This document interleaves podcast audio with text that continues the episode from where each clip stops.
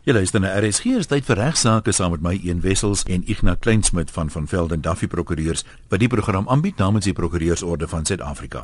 Goeiemôre Ian, môre luisteraars. Ian, ons het nou lanklaas gesels oor die boek wat jy laas vir ons van vertel het, die die humorboek. Het jy genoeg bydraes gekry en hoe vorder ons daar? Of soek jy nog bydraes? Dis is een van daai dinge, jy sê mos 'n eend op die water, jy weet, boel ek het stil my paddle verskriklik hier onder die water. Nee, ek het baie bydraes gekry. Mens moet miskien net weer 'n nooi vir ou laas want die idee is dat ek nou hier in Februarie die finale manuskrip by die uitgewers kry. So partymal is daar mense wat nog iets wou stuur, maar hulle was met vakansie hulle nie kans gehad en so aan nie. As jy nie weet waarvan ons praat nie, ons is besig om 'n boek saam te stel met humor uit die regswêreld uit. Maak nie saak of dit in die hof is nie of op kantoor nie, so landroste aanklaers, prokureurs, advokate, regters en hulle klerke, selfs verkeersbeamptes en polisiemanne wil ek ook 'n hoofstuk insluit want dikwels as iemand gearresteer word, is daar ook nogal humoristiese verskonings en so aan. Jy hoef nie 'n skrywer te wees nie, maar stuur dit vir my, dan kan ons dit in die boek opneem as jy jou besonderhede bysit kan ek jou erkenning gee. Ongelukkig kan as jy nie betaal nie, maar stuur dit vir my by 1 by rsg.co.za. IAN by rsg.co.za. Ons sal baie waardeer en as jy nou nie self in die wêreld is nie, jou man of lewensmaat of familie, dan uh, laat weet hulle Ons het nog so 'n week of twee min of meer wat ek bydraes kan ontvang. Dankie Ignas. Jan, ek weet nie of jy onthou jare terug het ons ons verkneukel en lekker gelag vir wat alles al die manne wales verplaas het in die Italiaanse parlement van tyd tot tyd. Dan die manne geklei en daar was op 'n stadium naaktheid en naakte dame en daar was allerlei snaakse goed wat daar gebeur het in parlemente en ons het nooit gedink ons sal ook later skaam kry oor wat in ons parlement gebeur nie. Maar ja, ek ek dink ek, ek persoonlik het nou 'n paar maal al regtig baie baie skaam gekry vir wat uh, ons op TV sien wat in ons hoogste liggaam plaasvind waar dit veronderstel is uh, om op te tree in belange van al die mense en om uh, wette te maak en dinge te doen wat vir ons van belang is. Maar nou ja, die vraag is of daar 'n beperking is op die uitsaai van ongewenste parlementêre optrede en oproer in die parlement. Nou die parlement het reëls en regulasies aangeneem en aanvaar in terme van subartikel 57 en, en 70 van die grondwet wat bepaal dat in gevalle van oproer en optrede wat nie strook met die waardes van die parlement nie, dan moet die parlementêre kamera gefokus bly op die voorsitter of spreker van die parlement. Die doel daarmee is natuurlik eenvoudig om publisiteit te probeer vermy of geen publisiteit te gee vir ongewenste oproer en sulke voorvalle in die parlement. Soms speel hulle juis vir die kamera. Presies. Nou Prime Media Broadcasting was glad nie gelukkig met hierdie aanname van hierdie nuwe parlementêre reëls en regulasies nie. En hulle het uh, die saak gevat na die hof toe. Hulle het 'n saak gemaak teen die spreker van die nasionale vergadering en ander en die saak is aangehoor aan die einde van 2015 en die verwysing is 2015 en hakkies 4 SA 525 dis in die Wes-Kaapse Hooghof. Die applikant het 'n bevel versoek van die Hooghof om te verklaar dat die gebruik van blokkeringstoestelle in die parlement ongrondwettig verklaar moet word. Ander dis net toestelle wat dat wat alles blok wat gebeur sodat net die spreker gesien kan word. Dit volg dan na die voorval wat ons almal van weet tydens die presidensiële toespraak die payback the money voorval uh, waarin lede van die EFF verwyder was van die parlement as ook elektroniese uitsaaidienste vir 'n kort ruk onderbreek was. Uh, die applikant het volledige media dekking van hierdie oproer versoek sê hulle is geregtig daarop. Die hof wys hulle aansoek van die hand luisteraars en bevind dat die grondwet die parlement magtig om redelike stappe te neem om publieke toegang te reguleer wat die media insluit. Die hof bevind daar was geen verpligting op die parlement om optrede uit te saai wat nie strook met dit wat verwag kan word van parlementêre waardes en optredes nie. Dit daai is eintlik my vraag, wie bepaal wat is parlementêre uh, waardes? Jy weet, want dit verander ook deur die jare, so dis uh, wie neem daai besluit? Waarskynlik maar die spreker in 'n komiteetjie saam met hom neem ek hmm. aan, want hulle is in beheer van die soos jy die reëls en regulasies kyk, dan jy ook sien hierdie uh, dit is die spreker het beheer oor wat in die parlement self gebeur en hierdie saak is dan ook spesifiek teen die spreker gebring. Ja. In daardie hoedanigheid. Nou uh verder het die hof kortliks wys ook dat die blokkeringstoestelle wat gebruik was tydens die EFF se oproer of dit mens dit so kan noem, bevind dat die aanstelling en gebruikmaking van toestelle om die president en visiepresident te beskerm teen enige moontlike dreigemente en gevare algeheel geregverdig was en nie ongrondwettig is soos wat die uh media beweer het nie. Nou of hierdie saak nou later nog 'n verdere ronde gaan loop, dit weet ek nie. My indruk was dat dit so aanvaar was deur die media, maar ek is nie seker of daar dalk appel aangeteken is of die saak nog later in die grondwetlike hof gaan draai nie. Baie van hierdie goed is ook net 'n geval van jy weet as 'n mens dit konsekwent toepas, want jy sal waarskynlik vind dat uh, jy weet sommige insidente as dit gunstig is vir sommige mense in die parlement, ja. sal hulle waarskynlik makliker dit uitsaai of gouer intree en dit nie uitsaai as dit tot verleentheid kan lei en so aan nie. Ja, dink jy's reg. Baie nou verwant hieraan is ook die vraag oor vryheid van spraak in die nasionale vergadering, want artikel 11 van die wet op uh, eh, magte, voorregte en immuniteite van die parlement en provinsiale wetgewers is 'n 2000 wet al, wet 4 van 2000, laat die spreker van 'n nasionale vergadering of enige persoon gemagtig deur die parlement, maar normaalweg sal dit maar die spreker wees, toe om enige persoon in hegtenis te neem of te verwyder wat parlementêre verrigtinge versteur. Nou as jy weet van die groot debat daaroor, uh, polisie wat instorm en al die dinge wat moet gebeur en die DA was natuurlik nie gelukkig daarmee nie. Die, die, die demokratiese alliansie en in die saak van die DA teen die spreker van die nasionale vergadering ook uh, net min of meer dieselfde tyd as die vorige uitspraak aan die einde van 2015 ook in die Wes-Kaap het die DA aansoek gebring in die Hooghof om artikel 11 ongrondwettig te verklaar op grond van artikel 58 van die grondwet wat kabinetslede reg gee om te praat en 'n ander subartikel van artikel 58 wat sulke lede beskerm teen arrestasie of moontlike skadeeise vir iets wat hulle sê. Dis die vryheid van spraakwetgewing spesifiek van toepassing is op die uh, op die parlementêr op die nasionale vergadering, die parlement. Die DA argumenteer dat artikel 11, dis die artikel wat ek nou-nou genoem het wat sê wat 'n persoon magtig uh om enige persoon in hegtenis te neem of te verwyder uh, hulle argumenteer dat hierdie artikel die grondwetlike voorregte skend deurdat dit toelaat dat parlementslede gearresteer kan word dit wat hy of sy mag sê in 'n nasionale vergadering. Sê dit kan nooit wees nie want daar is dit ander artikels wat sê ons mag sê wat ons wil. Die vryheid van spraakartikels. Die dispuut het ontstaan nadat die EFF uit die gesamentlike sitting in die parlement gegooi was, uh, nadat EFF-lede die president gedurende sy toespraak aan die nasie onderbreek het.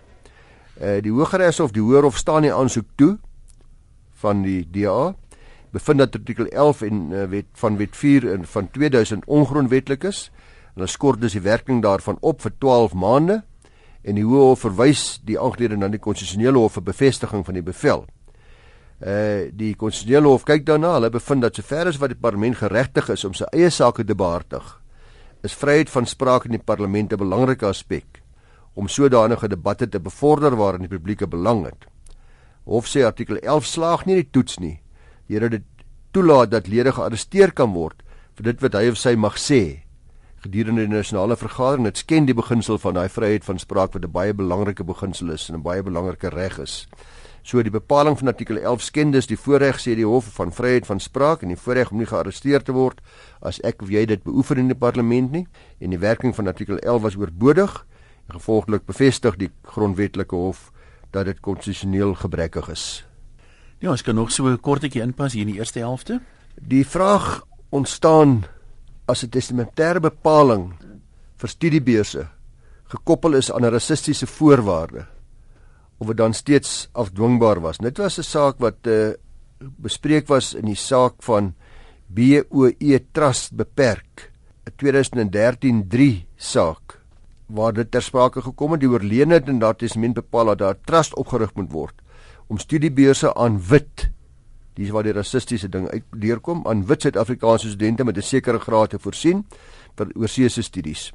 Verder bepaal die testament en indien die verlening van studiebeurse nie die trustees uitgevoer kan word nie om watter rede ook al, die fondse dan vir liefdadigheidsdoeleindes aangewend moet word.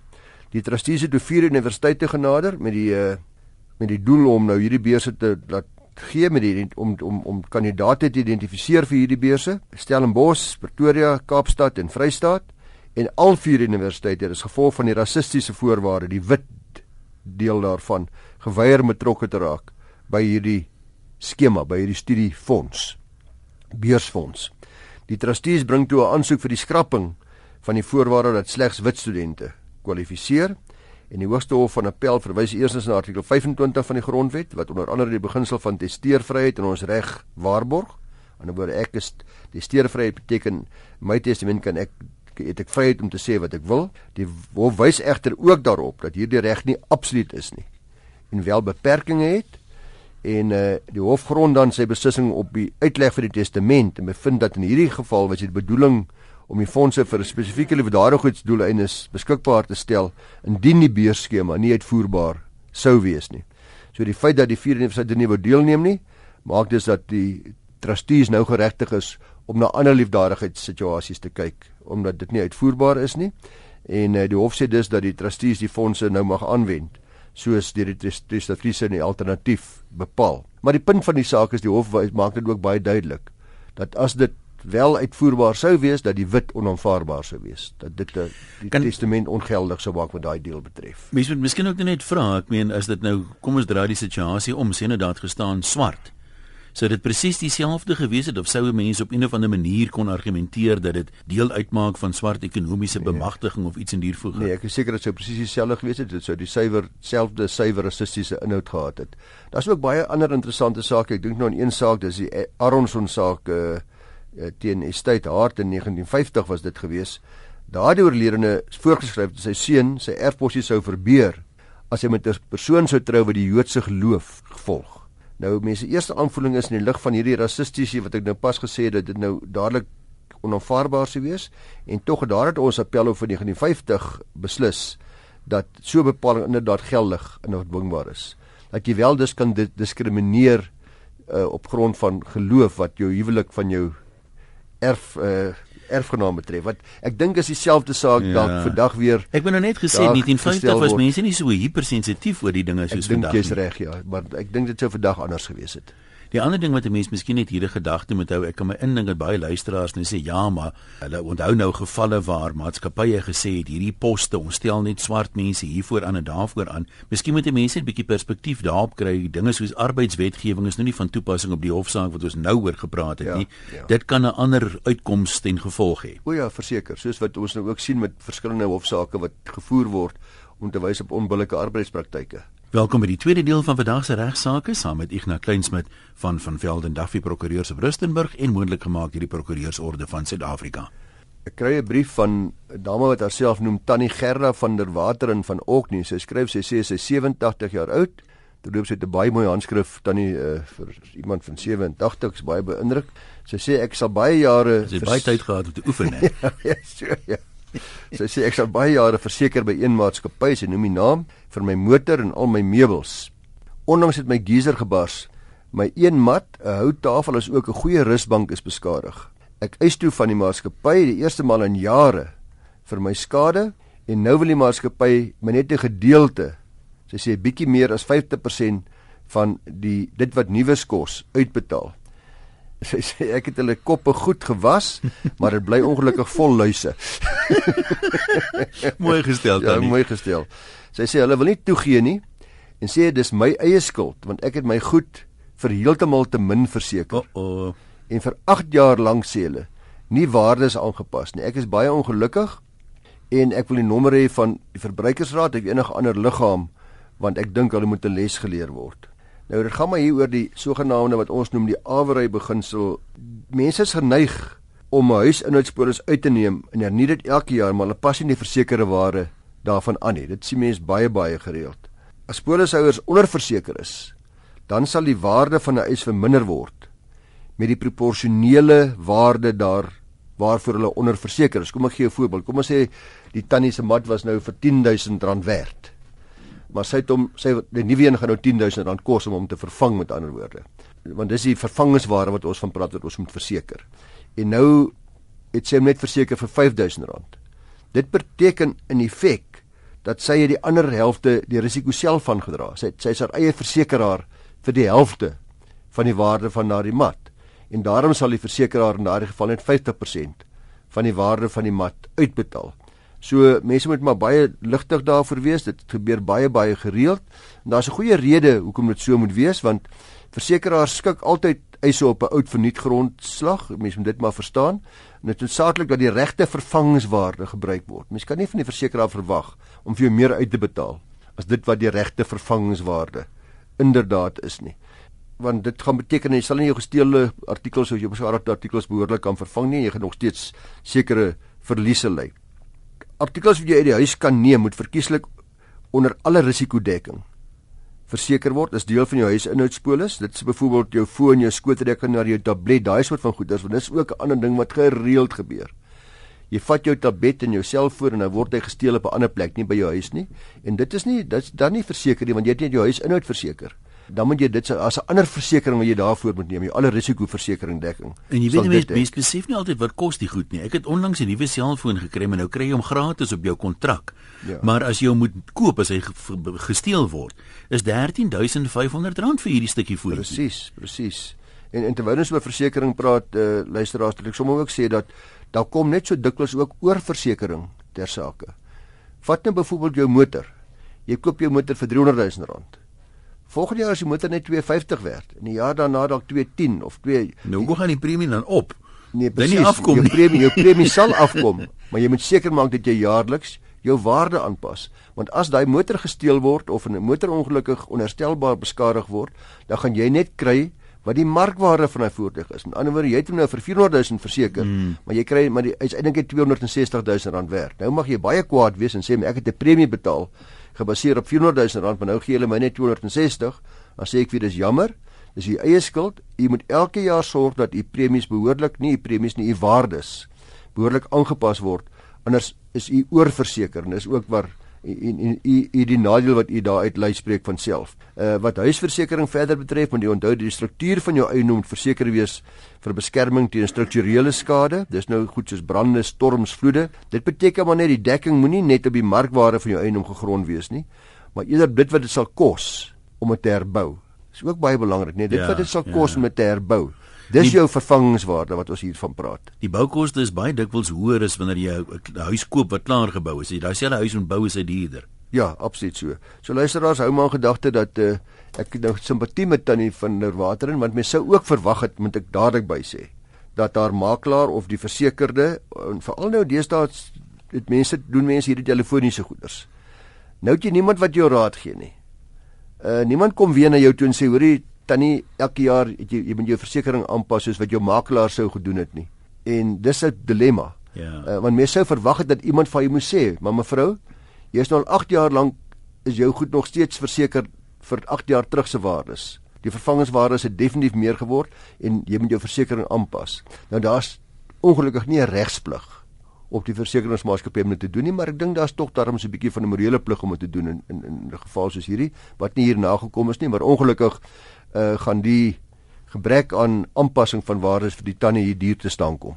So praktiese raad wees dit 'n mens maar op 'n jaarlikse basis 'n lysie maak vertrek tot vertrek in die huis kyk wat is daar wat se meubels en um, half 'n oog oop hou miskien as jy net weer by die winkels kom net kyk wat kos so 'n soortgelyke sitkamerstel byvoorbeeld nou ja. of die double bed of die goed want die mense dikwels verbaas ek meen ek het van iemand gehoor wat uh, verloof en trouring het hom dink ek iets soos R8000 gekos en 'n paar jaar later met die goudprys wat so gestyg het toe is daar iets fout met die ringe klein diamantjie iets uitgeval en hy laat dit herstel En hy sê vir die juwelier, "Mag gee sommer vir my 'n waardasie ook." Dit kos daai ding R45000, maar hy's verseker vir R8000. Ja, presies. Nee, is goeie advies. Jan, uh, is regtig baie goeie advies en so mense moet maar die die hele business jy moet jy weet elke jaar moet jy hernie. En elke jaar wat jy hernie, moet jy weer kyk of dit nog dieselfde bates het terloops. Want jou bates wysig ook natuurlik aansienlik oor 'n tydperk van 8 jaar. Gehad jy nog presies dieselfde goed sal hê is baie skraal. Wat 'n motorversekering betref is dit maklik om die waarde te bepaal. Jy kan enige motorhandelaar skakel ja. hulle het hierdie boekies en vervangingswaarde terloops vir versekeringsdoeleindes is normaallik die verskil tussen jou verkoopswaarde en jou inruilwaarde want die verkoopswaarde is gewoonlik heelwat meer as die inruilwaarde en jy jy, jy kry die verskil tussen die twee van die gemiddelde daarvan. Jy het ook 'n keuse om hom vir die hoër een te verseker en 'n klein bietjie meer te betaal as jy. Dan moet jy dit spesifiek ja. dan so meld ja. in jou versekeringsmaatskappy, ja.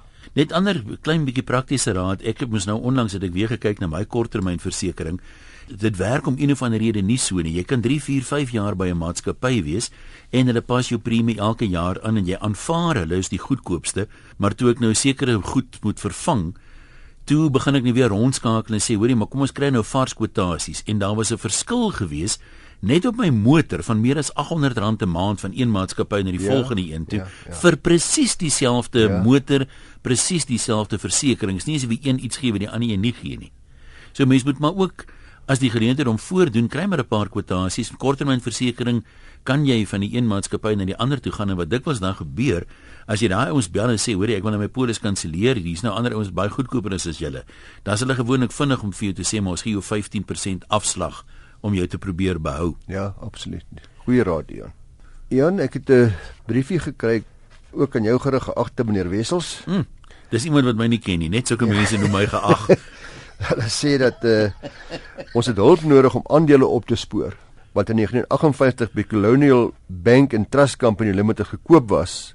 Kan die prokureur by regsaake ons help? Help. Groete Maria. Nou wat ek nou maar gedoen het en ek het regtig nie die antwoord nie en ek het uh, vir my portefeulje bestuurder Chris Weemeyer by wat al ook op uh, eh, RSG 'n bietjie opgetree het van tyd ja, tot tyd. Ja, ja, bekende ou. Ek het hom geskakel daar by PSG Wealth en gevra om te help en hy het die een van sy mense Alta van der Walt daar by PSG Pretoria gevra en sy het vir ons 'n oulike antwoord gestuur. Baie dankie daarvoor Alta. Sy sê wanneer aandelesertifikate weg is en jy weet in watter maatskappy dit is, dan kan natuurlik eerstens navraag gedoen word by die oordragskantore. Dit is Computer Share Investor Services en daar's 'n ander ene ook wat Link Market Services. Dis die twee oordragkantore in Suid-Afrika, Computer Share Investor Services of Link Market Services. In die papierwêreld is registrasies gedoen sonder ID-nommers. Dis gaan dit nie help jou ID-nommer te gee nie, want Computer Share en Link Market gaan nie uitstaande sertifikate so kan identifiseer op hulle stel, hulle stelsels nie. Wanneer die maatskappye nie baie oud is nie, dan mag die administratiewe kantore dit wel optel met ID-nommers, maar dis net nie in hierdie geval waar ons praat van 'n ander sertifikaat van wat het hy gesê 1958 nie. Eh, so hulle gaan dit nie kan optel nie. Ek dink die ander probleem met baie van hierdie ouer maatskappye, hulle is nou oorgeneem deur die een saamgesmelt met daai se daai naam as sulks bestaan nie meer. Nie. Absoluut so. So en dan wanneer die aandeelhouer dan bevestiging ontvang dat die maatskappy wel nog bestaan, wat onwaarskynlik is in hierdie voorbeeld van ons, uh of dat daar enige gelde is waarop die kliënt geregtig is, is daar twee opsies wat 'n aandeelhouer kan gebruik sê sy. Sy sê eers eerstens die kliënt kan deur sy makelaar gaan om die vervanging van die aandelesertifikate te laat doen, dis terwyl die maatskappy bestaan nog, nê? Of tweedens direk deur die oordragkantoor wat die maatskappy se administrasie behartig probeer vasstel wat die situasie is, maar sy sê dis 'n baie lang en 'n baie duur proses. Die aandeelhouers gaan verantwoordelik wees vir die volgende kostes. Hulle moet weer eens vrywaringsvorms voltooi sê sy.